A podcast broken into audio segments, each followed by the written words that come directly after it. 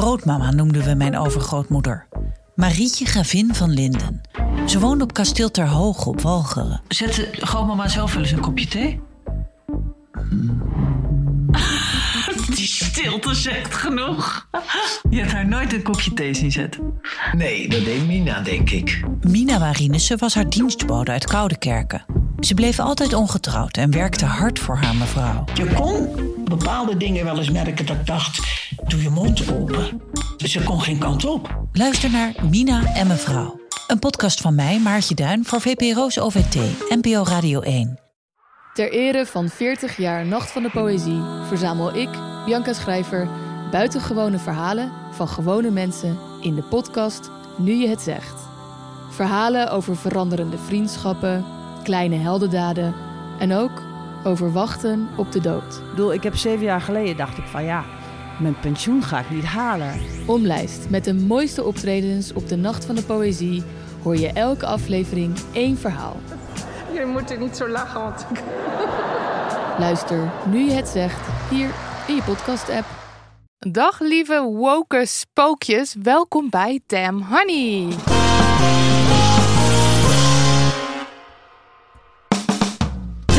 Podcast over shit waar je als vrouw van deze tijd mee moet dealen. Mijn naam is Marilotte En ik ben Nidia. en dit is aflevering 130. Jazeker. We gaan zo hard. Ja, we gaan hard en we gaan zo meteen ook hard de hoogte en de diepte in. Mooi Damn yes en no.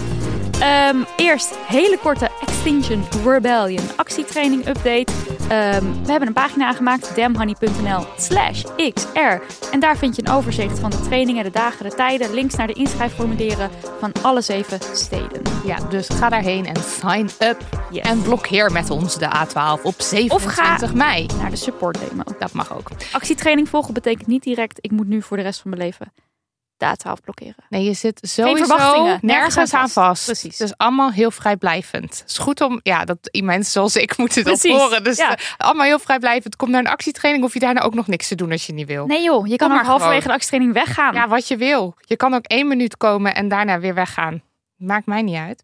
Nou, eh, eerst even nog een leuk bericht. Een leuk bericht. En het gaat zo. Hoi Nidia en Marilotte. Ik luister met veel plezier en interesse naar jullie podcast. Het viel me op dat jullie Jasperina de Jong in de laatste aflevering noemden. En eh, dit is trouwens in relatie tot eh Sugar Lee Hooper, waar ik het eh, vorige keer over had. Twee weken geleden. Ja, want zij heeft het nummer De Wandelclub. Daar eh, hebben we het over gehad. En dat is oorspronkelijk gezongen door Jasperina de Jong. Eh, ik wil jullie graag twee nummers aanraden die goed aansluiten bij de inhoud van jullie podcast. Haar eerste nummer eh, van Jasperina de Jong is Abba Abortus. Die vind ik zelf erg grappig. En het tweede nummer is Nederland zo tolerant. En deze is serieuzer en gaat over het o zo tolerante Nederland en haar vluchtelingenbeleid. Jasperina de Jong dreef heel vaak de spot met conservatief Nederland met grappige, scherpe teksten en een geweldige performance. Met de opkomst van weer een populistische partij is Jasperina en haar muziek nog pijnlijk relevant. Maar juist dan kan muziek en theater wat licht brengen. Veel luisterplezier en hopelijk kunnen jullie haar ook waarderen. Heel veel vriendelijke groeten, groetjes, Willemijn. Leuk. Nou, en dit was heel leuk, want ik ben er de vorige keer toch een beetje, toen ik eh, in Sugar Lee Hooper dook, gewoon een beetje over haar, over Jasperina Ja. de Jong heen ge... Jij Ja, dacht, ja, Jasperina, daar moet ik niks wel. van hebben. Ja. Ik ben even into the sugar heaven. Maar zij was ook echt heel leuk. Eh, en ik ging het nummer Abba Abortus. Abba. Abba Abortus. Abortus. Abba, Abba, Abba, Abba, Abortus. Nog iets. Anyway, dat is een grappig nummer. Ik vond hem ook wel een tikkeltje heftig. Maar ehm, eh, ik vond hem ook leuk. Dus zullen we een stukje luisteren? Ja, doe maar. En vorig jaar was het kleine Peer. Wat deed die bengel ook alweer? Op het vloerkleed plassen heb je ooit. Ik heb hem in de vaart gegooid. En ik dacht blij en opgelucht. Daar drijft een peer en geen vrucht. Nee, dat zou onfatsoenlijk zijn. Een vrucht afdrijven is niet fijn. Abba, abba, abortus. Het is niet in de haak. Abba, abba, abortus. Een dubieuze zaak. Nou, Van wanneer komt dat nummer? het is... Was een- het toen natuurlijk nog helemaal niet legaal? Toch? Ja, Zit ik me zou- opeens te bedenken. Dat zou kunnen. Het klinkt heel ouderwets Het is uit namelijk. 1972 deze. Ja, abortus Dat is toch hier- pas in de jaren tachtig legaal geworden? Ja. Oeh. Ja, dat is best een eh, provocatief eh, Heel, nummer. want het, het is dus een nummer. eh, hier, hier zingt een vrouw die dan hoogzwanger is. Het is in de setting dat zij hoogzwanger is van haar achtste kind of zo. Ja. Of haar dertiende kind, weet ik veel. En ze staat dan bij een wieg terwijl ze hoogzwanger is. En dan vertelt ze over hoe zij nooit een abortus zou doen. Dat zij heel erg tegen abortus is. Maar als een kind twee, drie, vier is en heel vervelend wordt... dan mag je wel Dat die kleine peer eh, de, de kleine kan. peer in de vaart gooien. En eh, weet ik veel, ook best wel heftige dingen hoor. Waarmee die kinderen afgemaakt worden. En dat is een soort kritiek van... ehm, Ja, dit, nou ja, het is satire overduidelijk, want het is wel heel expliciet. Ja. Maar ik, ja, ik, ik, ik luisterde de eerste keer, dacht ik, oeh, heftig. En toen de tweede keer, toen moest ik eigenlijk wel weer heel hard lachen. Sowieso vond ik het een erg leuke woordspeling met de kleine peer. en vrucht afdrijven. vrucht afdrijven. Ja, heel scherp. Geniaal. Ja, dus eh, nou, eh, Jasperina de Jong heeft er eh, weer een, een zieltje bij en ik ben het. En als je luistert, Jasperina, kom gezellig naar de podcast. Ja, dat lijkt ons hartstikke leuk. Ik las trouwens nog een interview met haar. Want kijk, als ik eenmaal in een, in een nieuwe naam zit, dan bijt ik me ook vast. In eh, 2006 werd ze door Trouw geïnterviewd. Ze is in 2002 gestopt met, ehm, met haar cabaret, met haar theater. Eh, en eh, zij vertelde aan Trouw hoe het zit met haar en emancipatie. Want zij is natuurlijk best wel eh, daarin ook best wel een belangrijke stem. Of tenminste, ze zegt wel shocking dingen in ieder geval. In, zeker in de jaren zeventig. En daarover zegt ze: De generatie van mijn oma en mijn moeder was nog afhankelijk van mannen. En dat is erg hoor. Het was niet anders. In wezen was ik ook zo opgevoed. Dat je dienend was naar je man toe.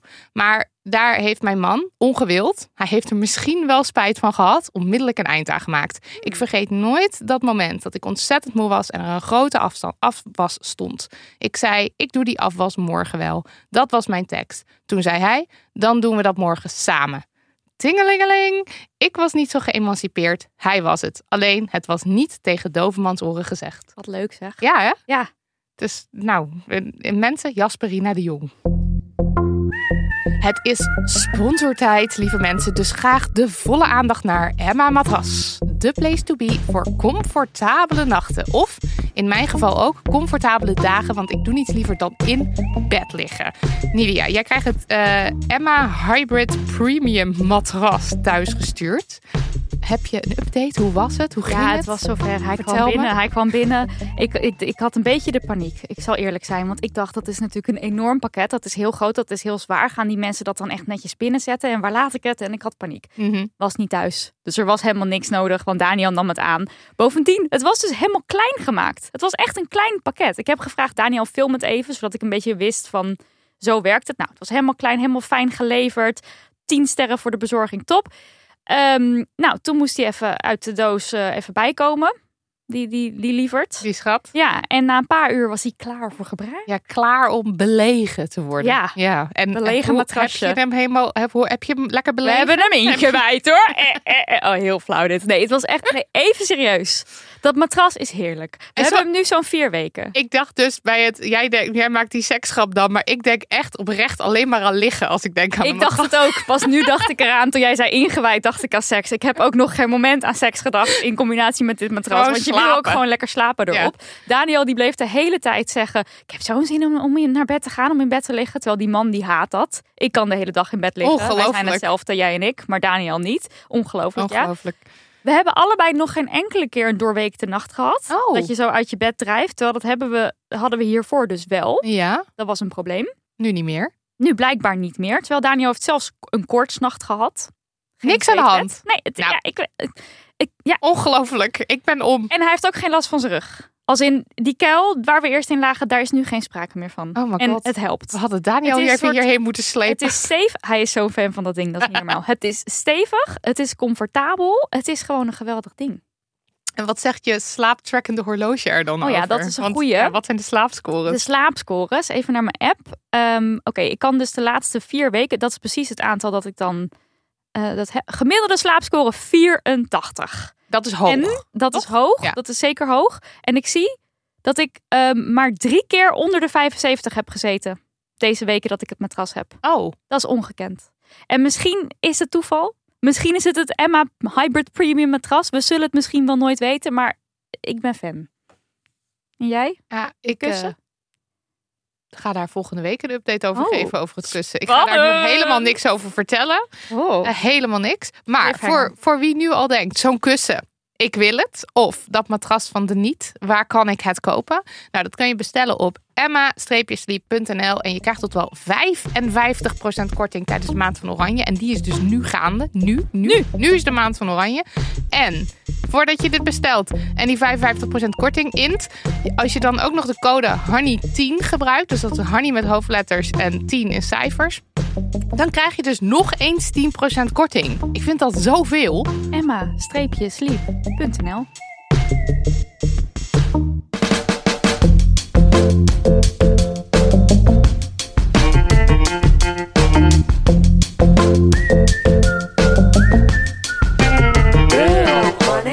Dan gaan we door naar de Damn Honey No. En eh, mensen, jullie hebben Marilotte Hagen en Nidia van Voorthuis uit de toekomst eh, in je oren. Ja. Want we hadden dit eigenlijk al opgenomen, En toen? maar het zat niet lekker. Nee. Het was namelijk, het was een te droge opsomming geworden van de dingen. En dat komt omdat ik... Want jij hebt de no. Ik heb de no. En dat komt omdat ik gewoon enorme weerstand voelde hier tegen. Maar dat nog niet helemaal door had. Dat had ik eigenlijk pas door na het opnemen. Ehm, ik zat er gewoon enorm tegen aan te hikken. Ik heb er ook buikpijn van, want het is gewoon kut. Eh, ik zou ook zeggen, het gaat over, over transhaat en queerhaat en draghaat. En gewoon algemene LHBTI-haat. Als je er geen zin in hebt, skip het lekker. Hè? Ja, want de yes is een stuk gezelliger. Ja. Nou, ehm, waar ik het even over wil hebben, is dat er veel geweld is geweest tegen eh, de LHBTI-community in de afgelopen tijd. En Maar eigenlijk wil je het er niet over hebben. nee. En waarom niet? Nou, kijk, ik had dit dus gisteren allemaal zo droog opgelepeld tegen Cato. En Cato die zei tegen mij: Ja, jij gedraagt je altijd zo hetero als je het over deze dingen hebt. Want je plaatst jezelf Afstand. er gewoon een beetje buiten. Ja. En ik denk dus dat dat ook klopt. Want ik heb gewoon heel erg zoiets van... Ik vind het heel erg. En ik vind ook dat ik erover uit moet spreken. En ik keur het af en zo. Maar ik plaats me er een beetje buiten. Alsof het niet over mij gaat. En is dat om jezelf te beschermen of is dat omdat je dat daadwerkelijk gewoon zo ervaart? Ik denk een beetje allebei. Hmm. soms ervaar ik het ook wel een beetje als, alsof het niet over mij gaat. Ik Mhm. denk dat, dat misschien de, de hetero mindset van de eerste 28 jaar van mijn Ja, leven. Het, is nou eenmaal lang, het heeft nou eenmaal lang in Ja. jouw hoofd gezeten dat jij een gewone, simpele hetero was. Precies. En ik heb Maak even een colaatje open. een lekker. Eh, en ik heb natuurlijk No ook heel lang omarmd. Ja, maar je zei geen merk, dus dat is prima. Colaatje. Het is gewoon een Een, Een colaatje. Helemaal geen. specifiek merk.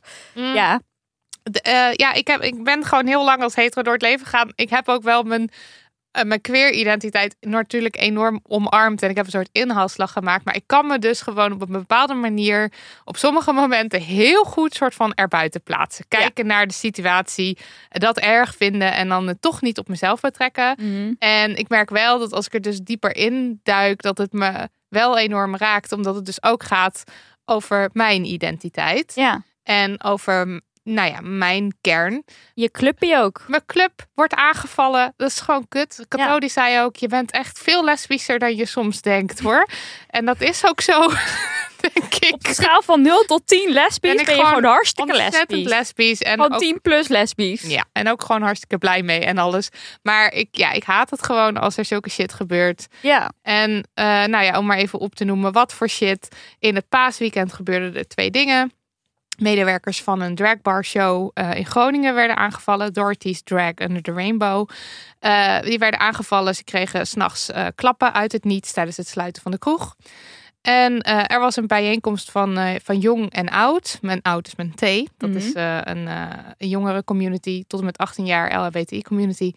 Eh, kinderen dus ook. ja, tieners die samenkomen om te kletsen over hun leven. Ja, en- over waar ze mee zitten. Over de leuke dingen die ze meemaken. Precies, gewoon een, gewoon een clubje samenkomen. Die En mensen is. vinden die, die bij je passen. Ja. ja. En hartstikke leuk. Die komen maandelijks samen in het gebouw van het COC in Eindhoven. En dan komt er een groep van twintig maloten, volwassen, Volwassen maloten. mensen, ja. Die dan de regenboogvlag vlag van de gevel rukken en in brand proberen te steken. En dan krijgt een vrijwilliger van het COC krijgt dan klappen. Die er wat van zijn. Daar moest ik ook meteen weer denken aan eh, die queervlag die wij uit het raam hadden hangen in eerste instantie allebei.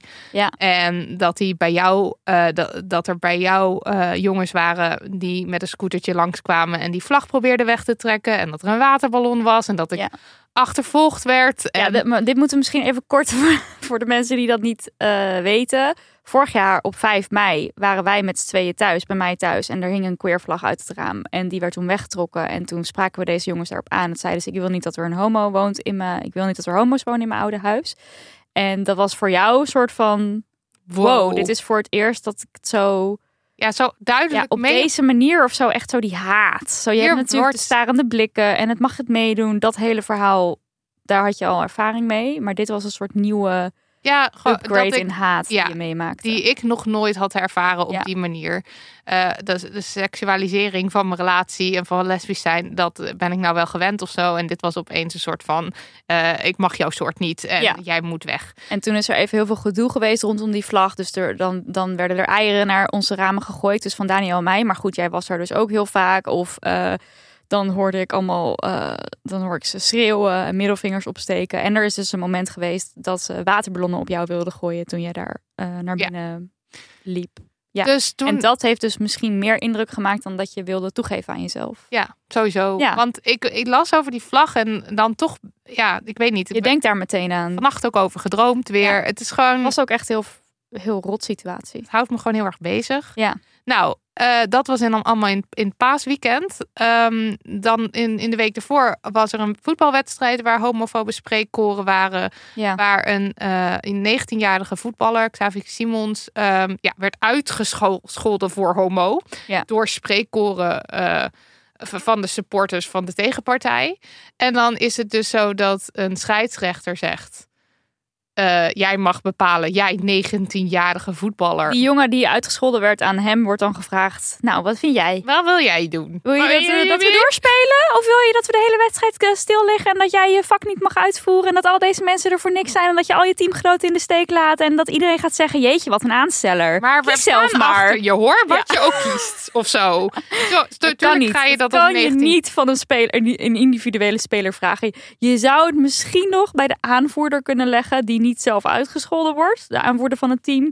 Maar zelfs daarvan denk ik ook, Nee, hou het bij jezelf. Jij als scheidsrechter zegt, nee, dit doen we niet. Klaar. en jij als scheidsrechter hebt die macht ook. Het is Ja. aan de scheidsrechter om te zeggen, eh, we leggen het spel stil. Dus hier wordt dus ook homofobie weer niet zo belangrijk geacht dat we zeggen, hier er is de grens. Die wordt gewoon niet Ja, of, of zeg maar, ehm, er wordt misschien, kijk, dat, het feit dat hij het vroeg, dat zegt op zich wel dat er een soort be- eh, bewustzijn was van het is niet oké.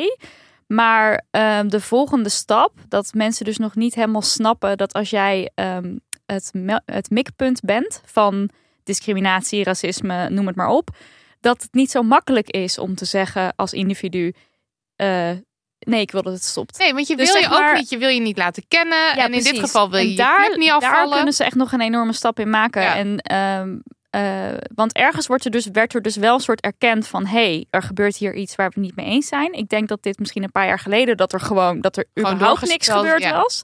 Maar vervolgens kunnen ze dan dus nog niet snappen... dat dat niet werkt op deze manier. Nee. En misschien was deze guy er wel helemaal oké mee. En daar gaat het ook eigenlijk helemaal niet. Het gaat ook eigenlijk helemaal niet om hem alleen als persoon. Nee, want, Want als hij nu ook- zou bellen en zou zeggen: hey, ik vond het helemaal prima, dan Ja. nog gaat het daar niet om. Want het gaat erom dat je zegt als club, dit, eh, of als voetbalwedstrijd, of Ja, als of als KNVB, whatever, ja. zeg je gewoon: we accepteren homohaat niet, we Nee. accepteren, we accepteren haat niet, Nee. dit soort spreekkoren, dat is niet acceptabel. En als het gebeurt, dan is het klaar. Nou, en dat Ja. vinden we blijkbaar nog niet belangrijk Nee. genoeg in dit land Ja. om dan te zeggen: hier de grens. Ja. Nou, dat stuitte me ook erg tegen de borst. En, eh, en als laatste wil ik het even hebben over ehm, eh, de, ehm, het protest wat georganiseerd gaat worden eh, tegen een drag en kids voorleesmiddag. Ja. En even uitleggen, er is morgen, 16 april. Ja, dus In- op de dag dat wij verschijnen, dus 15 april en dan de dag daarna, 16 Ja, 16 april, zondag 16 april in eh, Rotterdam in theater Lantarenvenster. Volgens mij. Ja, Lantarenvenster.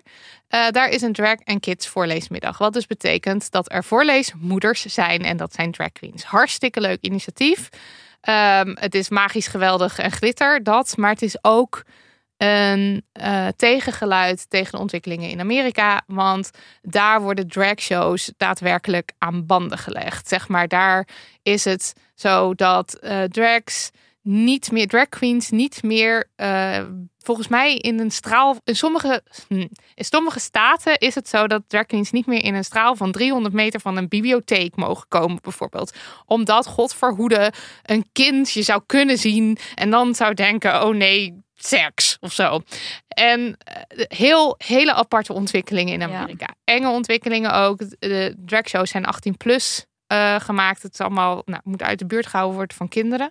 En Wordt enorm geseksualiseerd dus ook. het wordt geseksualiseerd en het is helemaal niet iets wat seksueel is. Het zijn artiesten, het is een kunstvorm. Drag is een kunstvorm. Het zijn artiesten die eh, hun, eh, die, die ehm, hun persoonlijkheid uiten, zeg maar. Die gewoon bezig, bezig zijn met kunst Hun maken artiest, en ja. mensen blij maken en kinderen laten zien dat ze kunnen zijn wie ze zijn. En ook soms eh, met, eh, met een eh, kritiek richting bepaalde dingen in de samenleving. Het is, ja, het is gewoon een hele brede kunstvorm. Ja, en het is ook een hele zichtbare kunstvorm natuurlijk. Als je gaat, zeg maar, ze zijn misschien wel de, de zichtbaarste tak van de LHBTI-community. Oh, op die manier. Ja, ja. dus misschien in die zin dus wel een soort makkelijk doelwit. Maar in Amerika wordt het dus daadwerkelijk aan banden gelegd. En nu hier in Nederland is morgen dus zo'n drag en kids voorleesmiddag. ja. Nu is er dus een club. Ehm, en het begon klein, maar het wordt angstaanjagend groter. Maar er is een club en ehm, ja, deze organisatie bestaat uit gay mannen en vrouwen die dan zeggen zich in te zetten voor de vrijheid en veiligheid van iedereen, ongeacht hun seksuele geaardheid.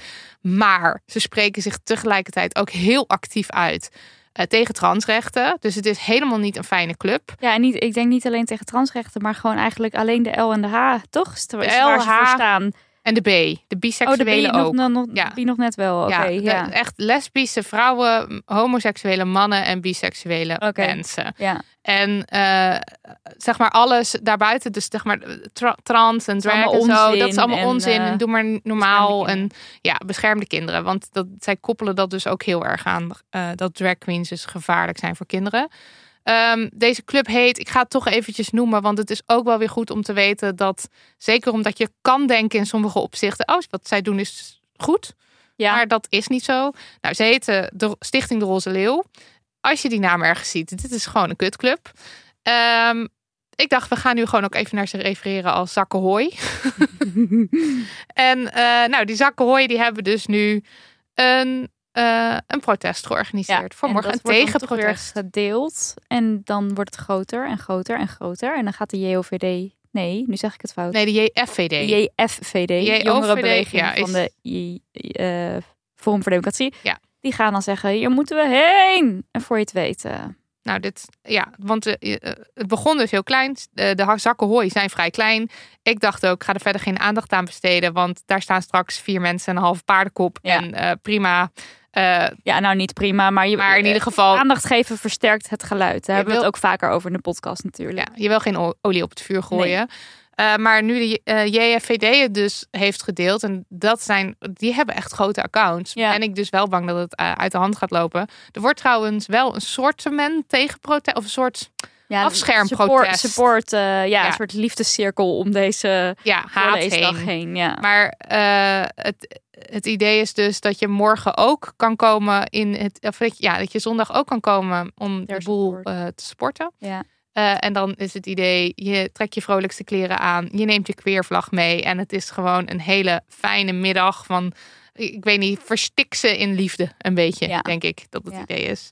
Dus je kan daarheen. Ik zal eventjes een, eh, een linkje naar de post met die oproep. Ehm, ja, laat ik, ik zeg- toch heel, heel eventjes nog inzoomen op die kinderen. Die eeuwige kinderen die hier worden gebruikt als een soort... eh, ja, het is Lentekriebels, het is Pim Lammers. Het is, het is precies hetzelfde weer. Ja, het is, het is precies hetzelfde. Ik kwam een artikel tegen op oud.tv en dan is oud Met een T. met een T. Die hebben we ondertussen door. Ja. Bij luisteraars. ja, Ja. precies. En ehm, daar hebben ze dus ook een, er, ze hadden een artikel eh, gepost wat ook weer even inzoomt op eh, dat beschermde kinderen narratief. En ehm, daarin stond ook dat eh, dit, hem, dit is niet nieuw. In de jaren zeventig eh, had je in Amerika ehm, Anita Bryant. Heet ze? Ja. Anita Bryant. Ja, en zij was een zangeres. En Is zij de Amerikaanse Jasperina de Jong? Zeker niet. Oh, ze is een anti. Ze is super anti. Oh, sorry. Zij is anti-queer. Sorry, sorry, sorry. En zij, Sorry, Asperina. Ja, dat kan je niet maken. Eh, zij Ga- heeft ik ga echt meteen Anita Breyer googelen. Anita Bryant. Je kent haar wel hoor. Zij, eh, zij heeft toen. eh, nou, zij was ontzettend anti-gay. Oh. En zij heeft toen een, ehm, eh, een campagne opgezet: Save Our, Save Our Children. God, ja. En eh, dat is toen ook overgewaaid naar Nederland. Oh my god. En in dat artikel van Oud TV stond dus eh, een poster, of er stond ook een poster uit de jaren 80. En dat was een poster van het CDA en het SGP. En daar stond op: poten af van onze kinderen. Oh en mijn dan, god, die poten af, hè? Dat is niet zomaar dat ze dat gebruiken. Nee, maar dat was een, eh, een reeks. Of wat zeg jij dan? Poten. Oh, jij bedoelt omdat homofoob. Ja. Ja, poten. Nou, poten af van onze kinderen. En eh, de stelling eh, werd ondersteund door de leus. Geen homo's in het onderwijs. Geen homo's in, de in overheidsdienst. En geen homo's op de openbare weg. Dat is wel gelukkig. En dit is gewoon van een politieke partij uit de jaren Ja. 80. Ja. En- Maar ik zag dus ook dat de VVD'ers, toen er gestemd werd voor het openstellen van het huwelijk, dat de helft tegen was. En dat laat dus ook heel erg goed zien dat ehm, eh, mensen kunnen nu nog wel eens denken van ja, ja, maar vrouwenrecht, daar had je, toen had je nog echt wat voor om te strijden, ehm 80 jaar geleden. Ja, maar eh, rechten, om, het recht om te trouwen, ja, dat was ook echt iets om je over uit te spreken. Maar transrechten, dat, gaat en zeg Ja. maar, en zo gaat het altijd. Dus op het moment dat er gestreden wordt voor de rechten, is het een en al, dit is niet Onzin. oké en onzin en stel je niet zo aan en gewoon lekker eh, heteronormatief ladila of cisnormatief. Mhm. En dan twintig jaar later, dan denken we holy shit. Of is het twintig? Ja, twintig jaar later denken we holy shit. Zoveel mensen waren blijkbaar tegen bij de VVD. Terwijl dat is gewoon hoe het is. En dat is nu ook gaande. En dan kan je dus nu zelf kiezen van aan welke kant sta ik dan. Ja, en ik sta liever aan de kant, Nou, aan de goede kant. Ja, Ja, maar het is wel goed om te weten dat dit dus. Dat ook zeg maar het narratief van dat beschermde kinderen is dus ook niet Het is- nieuw. nee. En het gaat natuurlijk nu ook te ver voor politieke partijen zouden nu niet meer zo'n, want dat kan niet. Zo'n eh, geen homo's in het onderwijs poster is natuurlijk. Nou, het, het komt toch in de buurt? Ja, FVD wel natuurlijk. Ja, kijk, die CDA die zullen dat niet meer zeggen. Nee, maar FVD wel. Ja, de- Ja, want dat is met 28 genderidentiteiten of wat zeggen ja, ze en dan? het is allemaal maar belachelijk en er wordt van alles opgedrongen en weet ik veel wat. Ja. ja Nee, dat is waar. het schuurt er in ieder geval erg tegenaan, Ja. laat ik het zo zeggen. Maar goed, dus nu, toen, toen was het dus ook iets vanuit de VS wat dan overwaaide naar Nederland. Dat is natuurlijk nu ook zo. Want Ja. je hebt in Florida die Don't Say Gay Bill. En Ja. er worden ook boeken verbannen uit Ja. scholen. Omdat er dus geen klassendiscussie op gang mag komen over genderidentiteit en seksuele geaardheid. En dat, en dat en nou ja, en die dragshows worden dus aan banden gelegd. En dat waait dus nu zo allemaal over naar Nederland. En het wordt dus ook steeds luider en het is steeds prominenter aanwezig. En ik, de groepen zijn misschien niet super groot nog. Het is wel een soort in de marge, denk ik. Maar ze zijn zo luid. Ja. En dat benauwt mij gewoon heel erg. Had je dat stuk gelezen van Tammy Schoot, One Ja. World journalist? Ehm, dat, eh, ik zal even kort de intro voorlezen. In 1933 richtten de nazi's met een boekverbranding hun pijlen op LHBTI-plussers. Nu, bijna een eeuw later, liggen dezelfde thema's onder vuur. In de VS zijn al 1648 boeken over gender en seksualiteit op scholen en in bibliotheken verboden. Het is een glijdende schaal van perversie verbieden naar LHBTI-mensen uit de publieke ruimte weren. En de eerste boeken, die dus verbrand werden, ehm, eh, richting de Tweede Wereldoorlog. Dat waren dus boeken over gender en seksualiteit. Ja. Ruim 20.000 boeken uit de collectie van een eh, eh, arts Ja, dus je kan, over seksuele wetenschappen. Ja, dus werden Tammy, die- publiekelijk verbrand. die trekt dus echt parallellen met Ja. toen en wat er dan nu aan de hand is. En ik denk dus, kijk, het, het ga- wat je nu dan, zo'n protest bij eh, drag queens hier in Nederland, kijk, het is natuurlijk niet verboden, zo'n voorlees, dat is nog niet aan de hand. Dat is in Amerika aan de hand, dat is niet hier aan de hand. Dat Mhm. een drag queen voorleesmiddag wordt verboden. Maar wel gewoon dat sentiment van dat eh, drag queens eh, gevaarlijk zouden zijn. Ja. Of dat LHBTI'ers gevaarlijk zouden zijn Ja. voor kinderen. Dat het altijd maar gelinkt wordt aan seks, aan, aan, aan perversie, aan pedofilie. Ja. Het is zeg maar, het zijn allemaal, het, het, het is een soort glijdende schaal of zo. Absoluut, ja. En eh, ehm, het is ook, ja, de, zicht, dan heb je dus, heeft de LHBTI-community heeft zich zeg maar uit de krochten van, van de donkerste plekken hebben ze zich een weg omhoog gevochten. En, En, en, en, ze zijn er nog lang niet. Ik bedoel, het is ook weer niet alsof het nu helemaal oké en toppie en iedereen die doet maar lekker wat die zelf. Dat is echt nog lang niet aan, dat het, is niet aan, aan de hand. Maar ze zijn in ieder geval zichtbaar. Ja. Er is een plek voor ze. Weet je wel, je kan, je kan, hem, je kan hem verder vechten. Maar het lijkt nu een soort van terug. Het is echt, Ja. ga maar terug in je hok. Maar daarom Eerst- vind ik zo'n stuk van Tammy het dus heel erg goed, omdat het die, die link maakt net met waar het heen gaat. Ja, precies. En ehm, wat ik heel eng vind op het moment, ik had gisteren ook heel erg dat gevoel, ook op Twitter las ik dan ook weer allemaal, nou, dit soort, dit soort situaties die nu plaatsvinden. Ik heb het gevoel dat het door onze vingers glipt. Dus zo iemand als Tammy, die doorziet het, die Ja. schrijft er ook een stuk over. Ehm, eh, wij hebben het er hier over. Er zijn veel mensen die zich wel erover uitspreken of zo. Maar ik heb het idee van we zeggen het wel, maar wat gebeurt er nou echt of zo? ja, precies. En ik vind dat een heel eng gevoel. Dat je erbij ja, staat. kijkt. Je kijkt ernaar Ja. Je zegt er wat van in je podcast, in je artikel. Zeg maar zo ver mogelijk probeer je iets te doen. Maar tegelijkertijd zie je hoe het gewoon als een soort golf zo eraan komt, eraan komt, eraan komt. En En ik weet niet is hoe maar- het eindigt. nee, precies. Want je weet, En ik vind het echt doodeng. En dan daarna denk ik dan meer van. Denk ik dan weer van oké, maar overdrijf ik het niet? Komt het niet ook door de bubbel waar ik in zit op Twitter? Dat ik het gevoel heb dat het misschien veel groter is. En dat het eigenlijk misschien wel toch misschien, ja, als je het hele sentiment in Nederland meeneemt, dat, dat de haat helemaal niet zo. Dat er juist meer acceptatie, dat, dat weet ik dan niet. Maar ik vind het toch heel eng. het is een En die ontzettend dat tegengeluid, dat, dat begint zich steeds minder te schamen dat er, dat er een tegengeluid is. Ja, omdat het ook het maar is gewoon meer in het kan. open, het is hard, het is in de politiek, het is aanwezig en dat is doodeng. Ja, en daar dan, dan zeg maar kom ik eigenlijk weer terug bij, ehm, weet ik veel, de KNVB, waarvan ik zou zeggen, stel nou gewoon een grens. Die, Ja. die worden hier ook niet echt En, en gesteld. stel, Het is maar de hele stel de KNVB doet dat, dan zijn zij eh, woke en dat is cancelen Ja. en je mag niks meer zeggen. En Ja. dat is dan eh, met, met het woord woke wordt alles platgeslagen eh, en daar gaan de media dus ook in mee. Ja. Want die zijn ook bang om woke genoemd te worden en die zijn ook bang om in dat progressieve hoekje geduwd te worden van oh het is allemaal maar links en dit en dat. En dus wordt er, worden er discussies gevoerd aan talkshowtafels, wordt er ruimte gegeven aan mensen die hele enge dingen verspreiden. Ja. En eh, dat, dat is dan weer, als jij dat dan dus nu, zoals ik dat nu dan hardop zeg, dan ben ik dus weer de woke die vindt dat je niks meer mag zeggen. Ja, en Terwijl ik zit niet aan die talkshowtafel om dit nu te zeggen. Ik, maak, ik zeg dit in mijn eigen podcast. Wie Er- krijgt er welk podium? En er is niks extreems. Er is niks wokes. Er is niks raars aan gewoon zichtbaar zijn. Nee. Aan mogen zijn Want je wie bent, gewoon een mens. Aan gewoon leven. Je aan gewoon je voorlezen aan kinderen die Ja. zelf komen samen met hun ouders. Terwijl Die er jij allemaal zelf voor er gekozen prachtig hebben. uitziet. Ja. Er is niks wokes aan. Dat is gewoon leven en dat is een recht.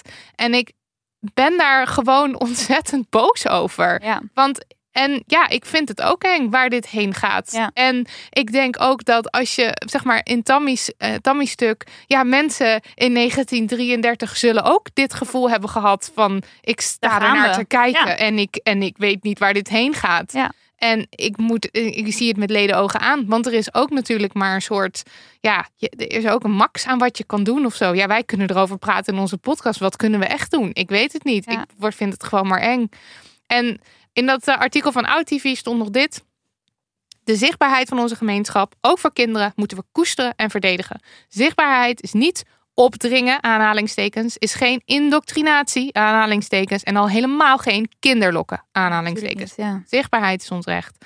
Ja, en ik denk dat dat gewoon is heel. zo, zo, zo belangrijk dat kinderen een heel breed palet van verschillende mensen zien. Verschillende eh, seksualiteit, genderidentiteit. Gewoon, gewoon een verscheidenheid aan mensen. Ja. In, in alles. In beroepen, in, in kleur, in alles. Omdat je dan meekrijgt, dit is wat de wereld is. Ja. En je dan ook op het moment dat jij niet in het normplaatje past. Misschien word jij opgegroeid op in een soort heel heteronormatief ehm, eh, huis. En is het allemaal maar heel erg huisje, boompje, beestje. En is iedereen daar heel gelukkig. Dan is het heel goed dat jij ook kan zien, oh, maar zo kan het ook. Ja. En daar voel ik me misschien wel fijner. En misschien dat jouw ehm, je broer of je zus of je, ehm, je sibl- sibling zoiets heeft van ja, ik vind het juist heerlijk dat, eh dat huisje boven. En dat is ook prima. Zeg maar, maar je gewoon allemaal alle- zijn. alles zien. Meemaken. En als je het hebt over een, een ideologie wat kinderen opgedrongen wordt, dat is niet de woke ideologie. Het is die, die, dat verstikkende beeld van, van de heteronormatieve maatschappij, conservatieve maatschappij. En waar je eigenlijk maar één richting op geduwd wordt. En Ja. dat is gewoon dat, eh, dat, dat man, En dan, vrouw, en dan is het zo van, oké, als je dan misschien toevalligerwijs per ongeluk gay was, oké, maar dan mag je dan niet, niet te veel uitdragen. Nee. En niet te veel dit. En dat is geen acceptatie. Acceptatie onder voorwaarden, dat is geen acceptatie. Dus oprotten. Even nog, want eh, eh, Mama Queen, een van de drags, die gaat voorlezen. Die heeft een, eh, een video gemaakt. Ik ga die nu niet laten horen, want hij is vrij lang. Maar ik zal eventjes een linkje in de show notes zetten. Maar Mama Queen die zegt ook Wijze woorden. wijze woorden. Die zegt, voor mij was de zoektocht naar wie ik ben en wie ik wil zijn best wel een strijd. En ik dacht, als ik nou kleine kinderen kan laten zien dat je zelf zijn mag en kan. Dan kan ik die kinderen besparen wat mij is overkomen. En dat is Precies. gewoon wat je wilt. Ja. Nou, bedankt, mama, Mama Queen. Queen, ja, love you. Ehm, dus ja, e- eventjes een soort van... Kijk, ik kan me voorstellen dat je nu denkt... we moeten iets met dat protest. Nou, er is dus zo'n love circle. Maar doe ook, en dat zegt Mama Queen ook in de video...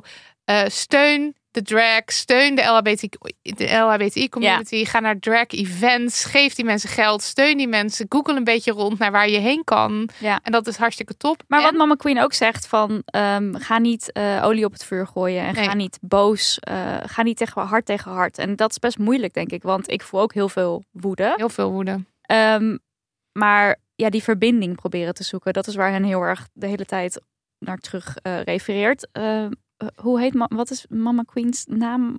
In het echt? Ja, want Dennis Bijleveld. ja, want Dennis die, die spreekt in de video niet ehm, in niet drag. als, nee, nee, Nee, spreek precies. niet in drag. dus eigenlijk moeten we het gewoon over Dennis hebben. Ja. en dat, nou ja, eh, Ja. wijze woorden. wijze woorden. Dus eh, luister daar ook eventjes aan eh, naar. En ehm, het hangt er een beetje vanaf wanneer je dit luistert. Maar op 15 april, en dat is de dag waarop, waarop onze aflevering verschijnt.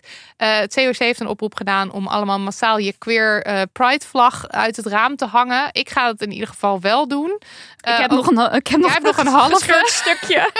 Ehm, ik weet, zeg maar ook, en als je niet queer bent of je hebt geen vlag, koop eens een vlag, weet je wel. Het voelt, en ja, als je wilt natuurlijk, maar het is ook de solidariteit en ook gewoon laten zien, we steunen de LHBTI community. Dus, dus doe dat als je dat wilt.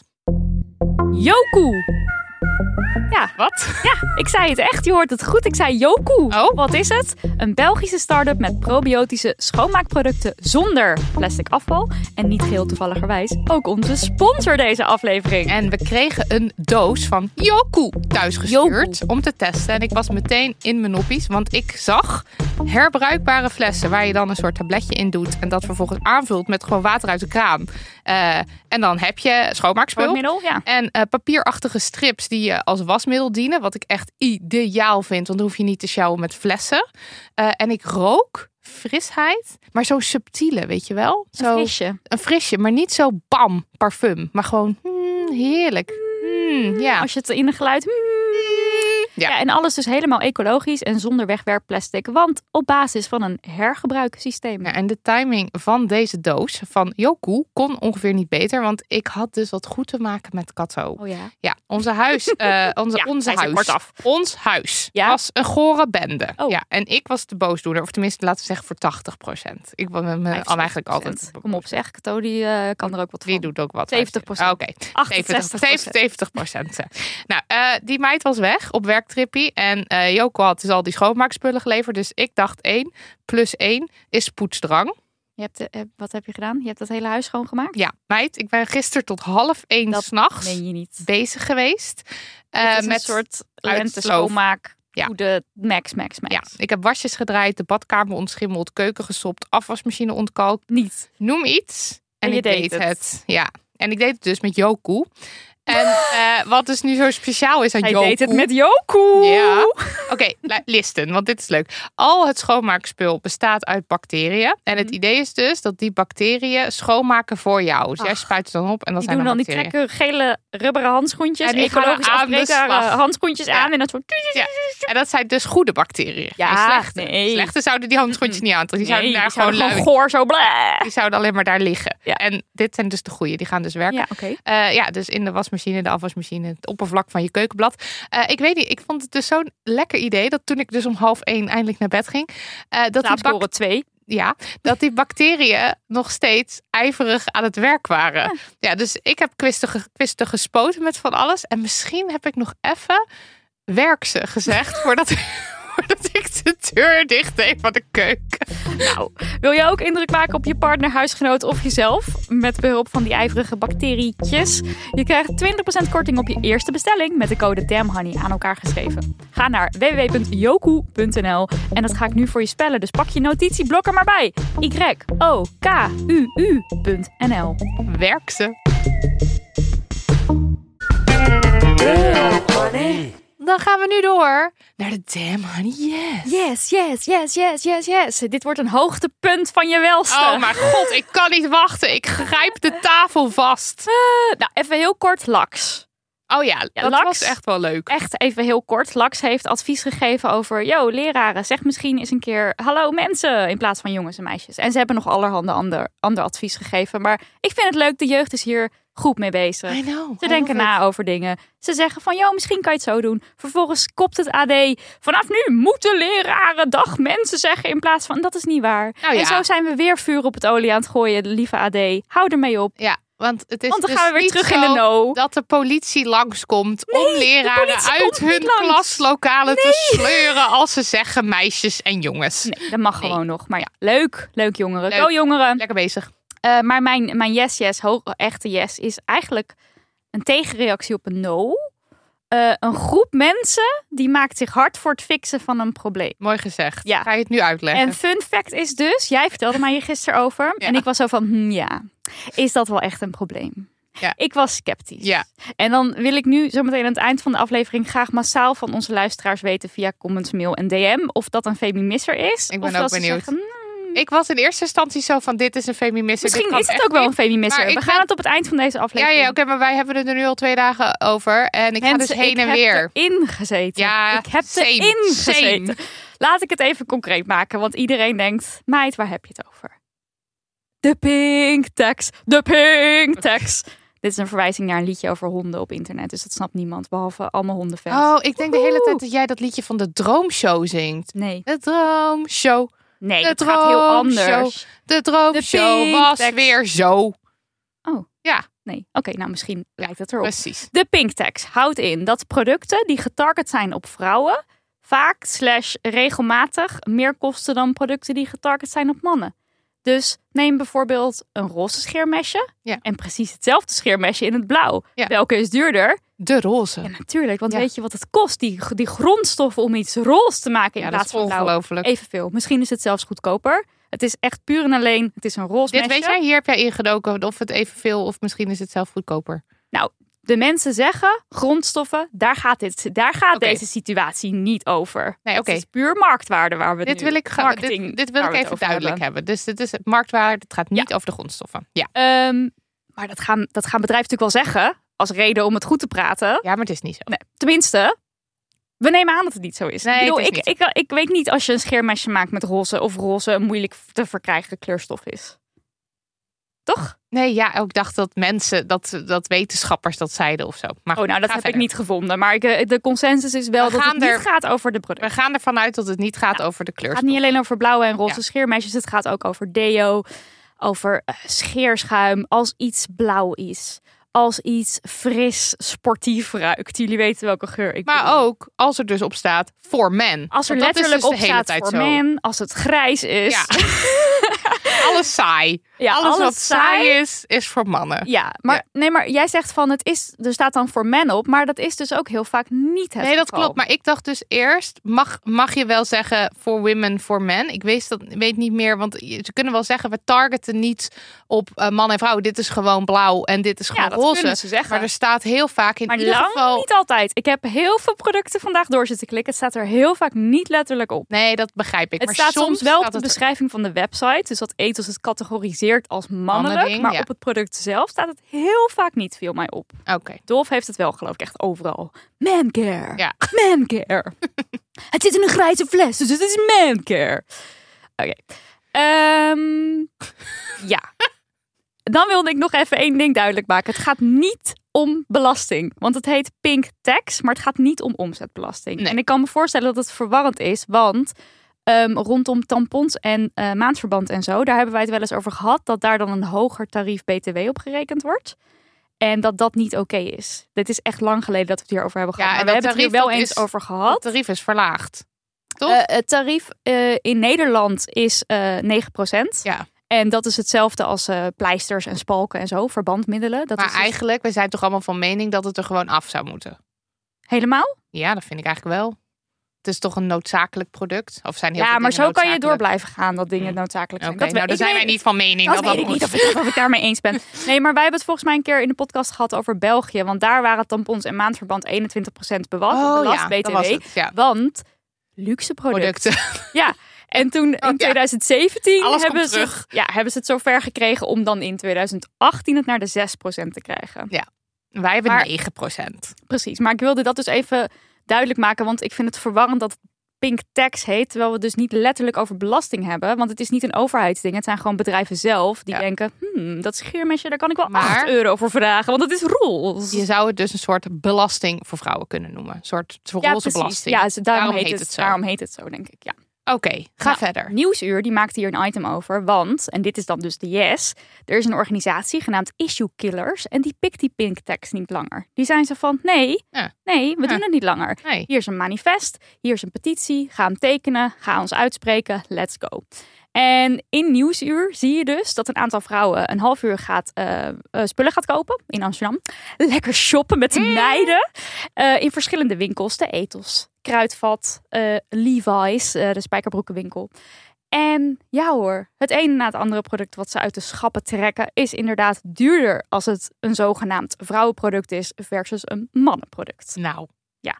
hier. En dit is dus niet dat er overal per se op staat voor mannen voor vrouwen, maar alles ademt. Dit is vrouw, dit is man. En wat ze dus uit de schappen trekken is zeg maar, en dan trekken ze een blauw product en dan het equivalent daarvan in het roze. Dus even, bijvoorbeeld met scheermesjes, e- even, evenveel mesjes in de, in de verpakking, evenveel mesjes op zo'n mesje. En zeg maar, de, oh, ik heb zo in die mesjes gezeten, joh. jij weet alles. Five anything. Ja, maar een heel duidelijk voorbeeld. Scheerschuim voor mannen, 1,49. Kruidvat huismerk, zelfde spul, maar tenminste, hè, het zou anders ruiken. Het zit in een andere verpakking, dus het is niet hetzelfde spul, maar het is hetzelfde spul. Roze verpakking, 2 euro. Heel concreet voorbeeld wat ze laten zien in die nieuwsuur. Lullig. En multivitamine voor kinderen bij de ethos. Met Disney-prinsessen op de verpakking 20 euro. Met Cars op de verpakking 18 nog wat. 18,50 of zo. Boe. Letterlijk hetzelfde product. Hè? Ja. Hier is het wel echt letterlijk hetzelfde ja, ja. product aan de binnenkant. Nou, Europarlementariër Samira Rafaela van D66 die kwam ook aan het woord in de Nieuwsuur-aflevering of in het fragment. En die zei: vrouwen betalen 10 tot 30 procent meer voor dit soort producten dan mannen. En ze vertelt dat er dus Europese richtlijnen zijn die duidelijk maken dat dus mannen en vrouwen gelijke toegang moeten hebben tot goederen en diensten. Dus het mag in principe niet, is wat zij zegt. Maar wat we zien is dat er een gat in de huidige wetgeving bestaat. De roze belasting wordt niet goed gedefinieerd, is te vaag en ik wil dat die vaagheid opgelost wordt. Nou, dat lijkt me heel goed dat de vaagheid opgelost wordt. Nou, er is dus geen Nederlands onderzoek. We moesten het nu doen bij dit nieuwsuurfragment met eh, mensen die een half uurtje spullen gaan kopen in de ethos. Ik vind dat dus moeilijk. Hier komt mijn sceptischheid naar Ja. voren. Want ja, ik zie dat jij een roze en een blauwe scheerschuim uit het vak trekt en dat het 80 cent of whatever verschilt. En dat vind ik niet oké en dat vind ik allemaal best wel apart. Tegelijkertijd denk ik, mensen, dit is nou precies wat kapitalisme is. Dit is waarom er 60 soorten douchegel in een winkel zijn. Ja. Want de een die wil graag 8 euro uitgeven voor iets. En de ander die wil 50 cent uitgeven voor iets. Want de een heeft het gevoel dat die van 8 euro beter, lekkerder, schuimiger is Ja. versus die ander. En ik vertelde gisteren dit van de pink tax aan jou. En Ja. jij, maar jij zei iets in de trant van... eh, want ik had het dan over die scheermesjes. Want dat is natuurlijk gewoon het makkelijkste voorbeeld. Ja. Ik zei dan de blauwe en de roze. En toen zei jij iets van... Ja, maar dan, ik koop gewoon... Of ik zou gewoon de blauwe kopen. Of ik Ja. koop de blauwe. Zeg maar, En ik vond het grappig dat je dat zei. Omdat ik echt tien minuten daarvoor eh, de tweet van Caroline van der Plas had Koop gewoon die blauwe. Gewoon die fucking blauwe. En eh, kijk, ik begrijp het wel. En ik begrijp ook, zeg maar, mannen en vrouwen hebben in principe gelijke toegang tot die fucking blauwe scheermesjes. Ja. Dus dat klopt wel. Ja. Maar ik vind het zo eh, en het gaat natuurlijk ook niet. Ja, het individu kan gewoon die blauwe kopen, maar Ja. daar gaat het natuurlijk niet Nee. om. Want, je, legt de verantwoordelijkheid bij het individu. Ja. Maar eigenlijk nog voordat ik nu naar deze stap wil, wil ik nog even bij de stap in hoeverre is dit nou echt een groot iets wat aan de hand is. Ja, oké. Want je kan de ethos inlopen met het idee, ik ga nu deze stelling bewijzen. Je kan ook de ethos, ethos inlopen met het idee, ik ga bewijzen dat acht van de tien merken helemaal niet zo werken. Dat er zelfs duurdere scheermesjes voor... Dat kan, hè? Ik, Ja. ik zeg niet dat is zo, maar dat was mijn sceptische gevoel hierbij van...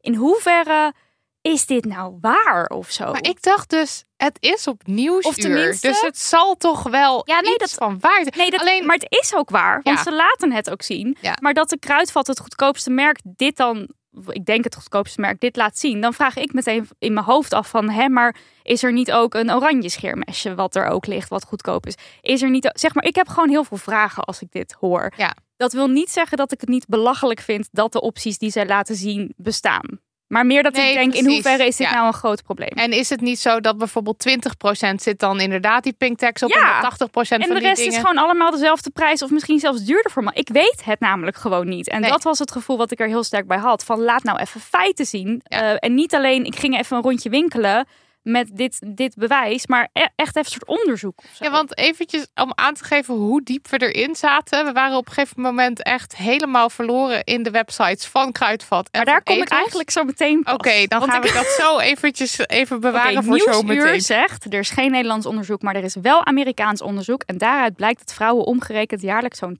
1200 euro extra betalen voor dezelfde producten als mannen. Ja, dat is te veel. Ik viel van mijn stoel. Ja, Hoeveel veel. euro geef jij uit in een jaar, denk je, aan Maar is het alleen verzorgingsproducten of dus ook producten zoals de spijkerbroek?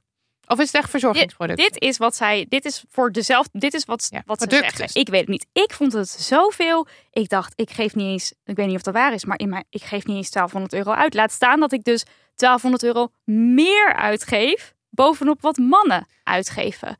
Dus dat is, dat is, het gaat niet zozeer om mannen kopen minder, als ik het goed lees dan, hè. Maar Ja. het gaat echt om, je koopt hetzelfde product en dan daarbovenop betaal je nog. Ik vond dat een heel hoog bedrag. Ik ben gewoon heel benieuwd wat ze allemaal hebben meegerekend. Nou, is dit ook een soort van Ik vlees ga- voor ik vrouwen of zo? opzoeken. Ja. Ik ging er kniediep in. Ik was die sceptische vrouw. Nou, waar kom ik nou achter? Ik kom in een artikel terecht eh, van de LA Times. Dat artikel komt uit 1995. Ja. En het blijkt dus dat California in dat jaar de gender bias in service pricing tegen wilde gaan. En dus een soort Oh. wet opstelde dat dat niet langer mocht. Zij hebben toen een berekening eh, gedaan. Dat staat ook in dat artikel uit 1995. Dat is vet lang geleden. Ik bedoel, als ze nu die prijzen weer zouden berekenen, zou dat dus volgens mij veel hoger 1 miljoen zijn. euro zijn. Ehm, en die onderzoekers die hebben toen voorspeld van als je nou die wetswijziging doorvoert, dan zal een vrouw in Californië zo'n 1350 dollar minder kwijt zijn per jaar. Oh, maar dat is die 12 Maar waar euro. gaat dit over? Service pricing. Dus de, de voorbeelden die ze noemen in dat stuk zijn kappers, kledingmakers, stomerijen. Die mogen geen hogere prijzen meer rekenen voor hun service. En als je als vrouw je auto mag, eh, gaat laten repareren, mag het ook niet duurder zijn.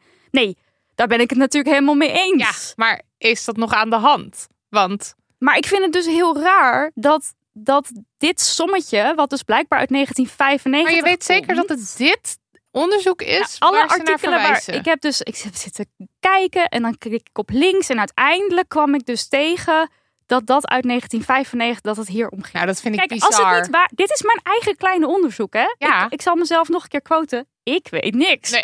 Ik zit hier maar gewoon een beetje mijn eigen pinktex onderzoek te doen.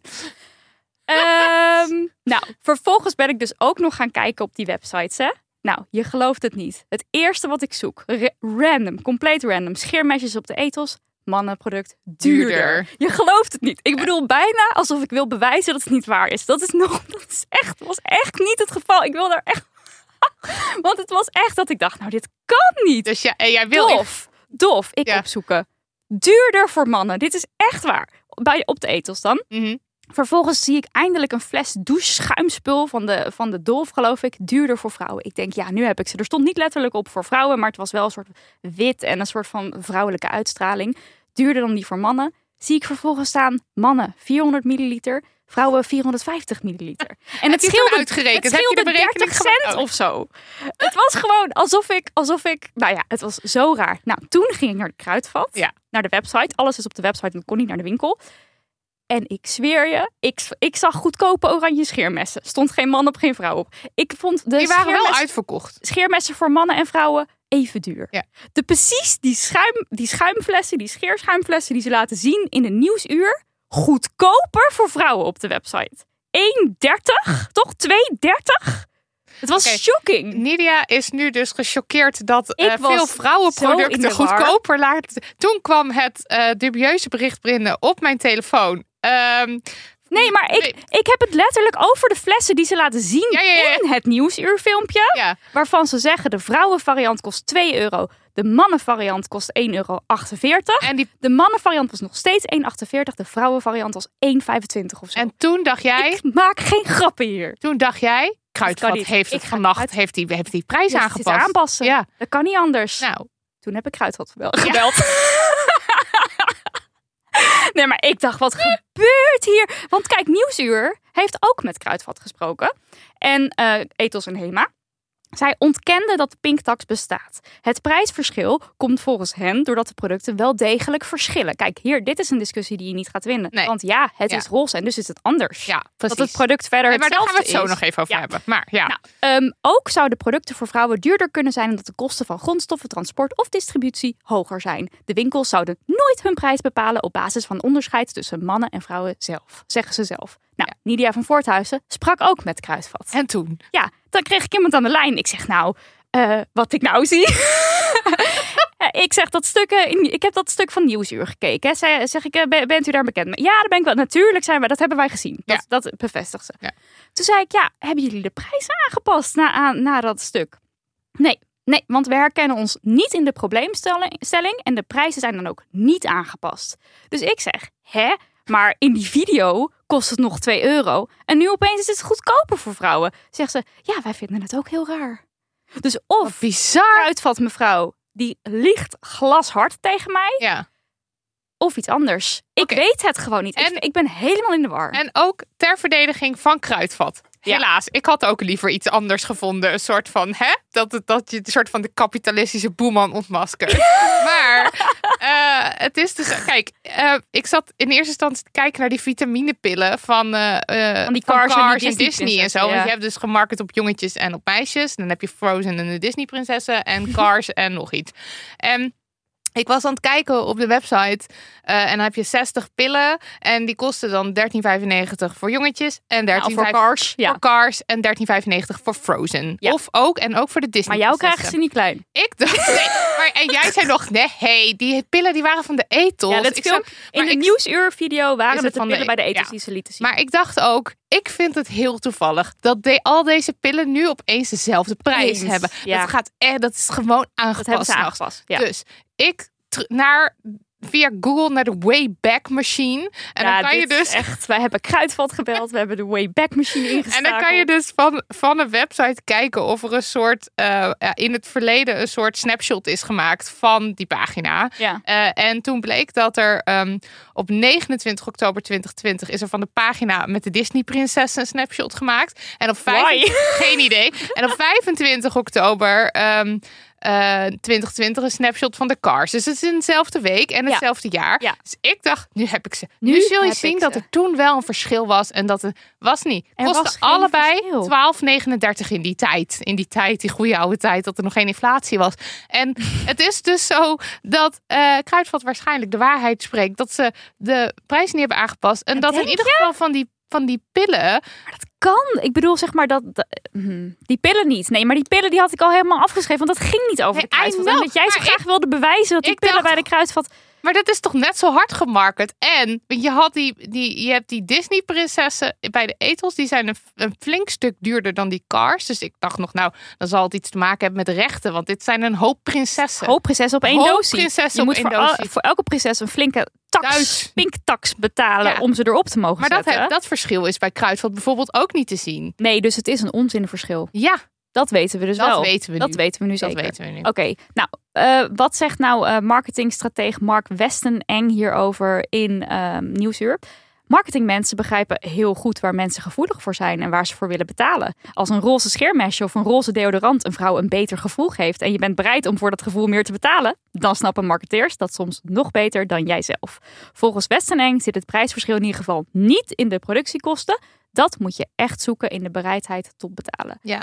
Dus de vrouwtjes zijn bereid om meer te betalen. En daar heb ik wel een probleem mee. Tenminste, niet dat de vrouwtjes bereid zijn om meer te betalen. Maar dat er dus eerst uh, wordt je opgevoed met het idee dat alles glad moet en lekker moet ruiken en bla bla bla. En hier komen we eigenlijk weer terug met onze eeuwenoude boodschap. Uh, de beauty-industrie lokt je erin en zegt glow, je bent niet goed genoeg. En dan daarna is het van hier, koop deze producten. En ze zijn ook mooi roze en met aloe vera en voor de sensitive skin. En tegen rimpels. En zo. En dan moet je dat kopen. En je kunt bijna niet anders, want je bent gewoon vanaf dat je geboren werd geïndoctrineerd dat je zo moet zijn.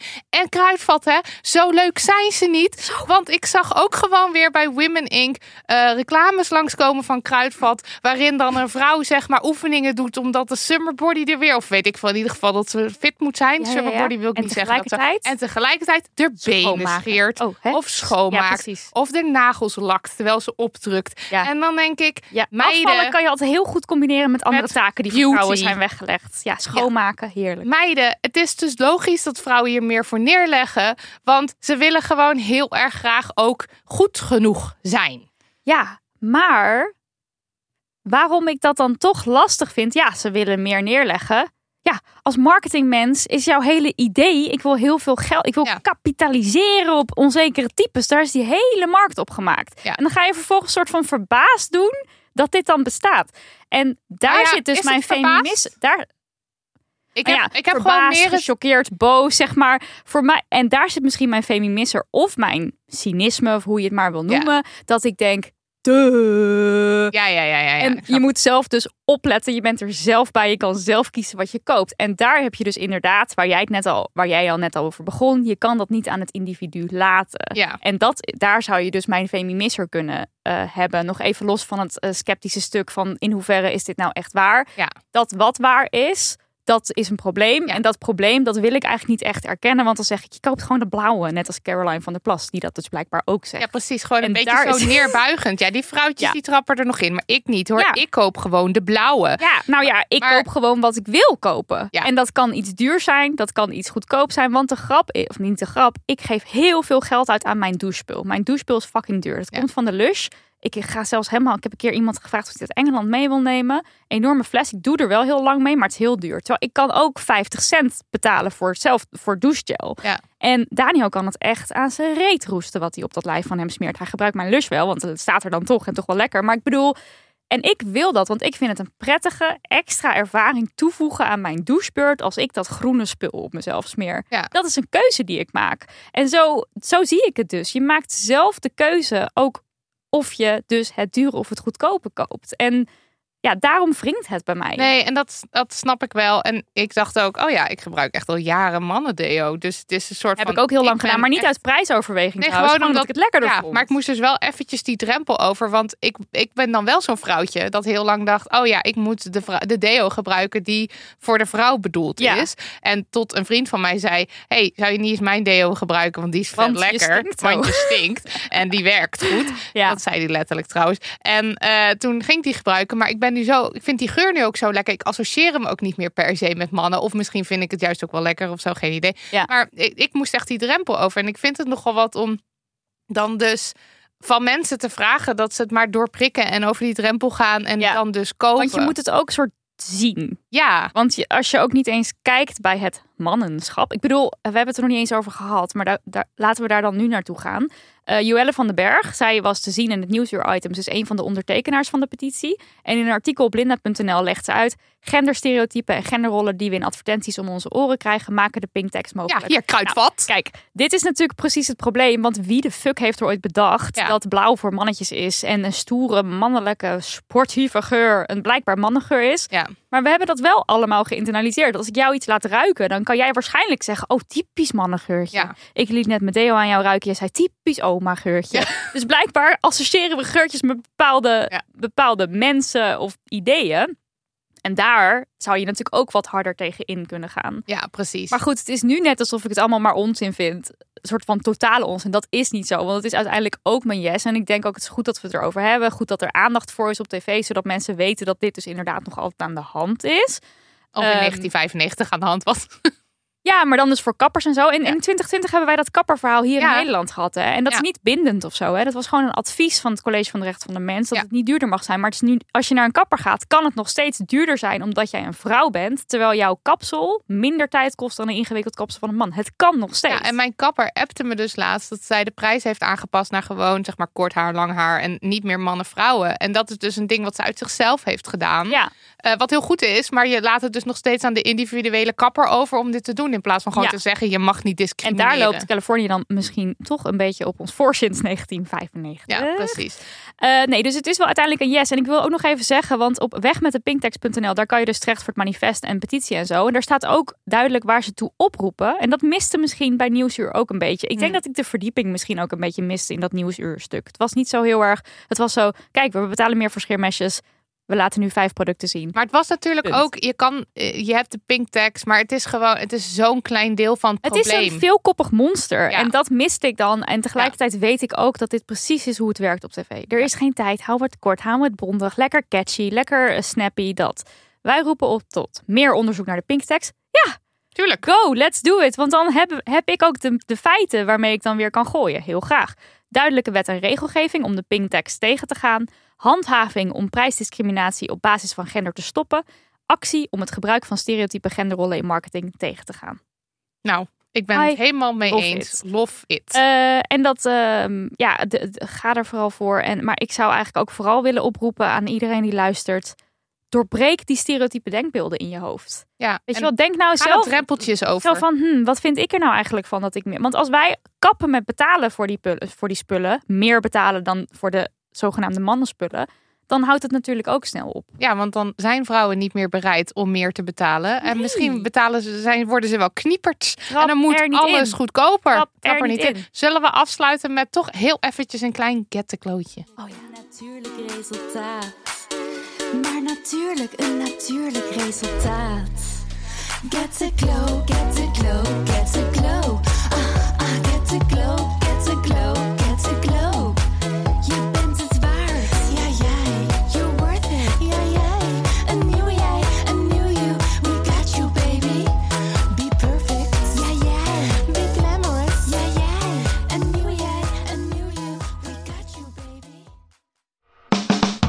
Dit was aflevering 130. De show notes vind je op demhoney.nl slash aflevering streepje 130. En een paar dagen na verschijnen, meestal op de woensdag, eh, vind je daar dan ook het transcript. Daniel van der Poppen, Lucas de Geer en Liesbeth Smit, bedankt schattenpoesen. En Liesbeth extra dank voor de regelen van de Extinction Rebellion website dammoney.nl slash xr. Love you. Eh, transcript, toppers, schatten, Toppertjes! Cookies. Eh, veel dank aan jullie, Marleen, Marlou, Marloes, Elise, FQ, Shura, Melissa, Barbara, Joan, Fenna en Sabine. En Amberscript, de software waar we gratis en voor niks gebruik van mogen maken voor onze transcripten. Het is geweldig. Gebruik het ook eens als je een keer wat moet transcriberen. Het is helemaal toppie. Dankjewel, mop. Eh, wij gaan nog even verder praten in onze bonusafleveringen. Je doet het er maar mee. Bonus podcast, je doet het er maar mee. Ja, wat gaan we doen? Ja, eh, jij mag vertellen over je radioverhaal. Ik heb ook een nieuwe hobby. Oh ja, radioverhaal. jij hebt een nieuwe hobby inderdaad.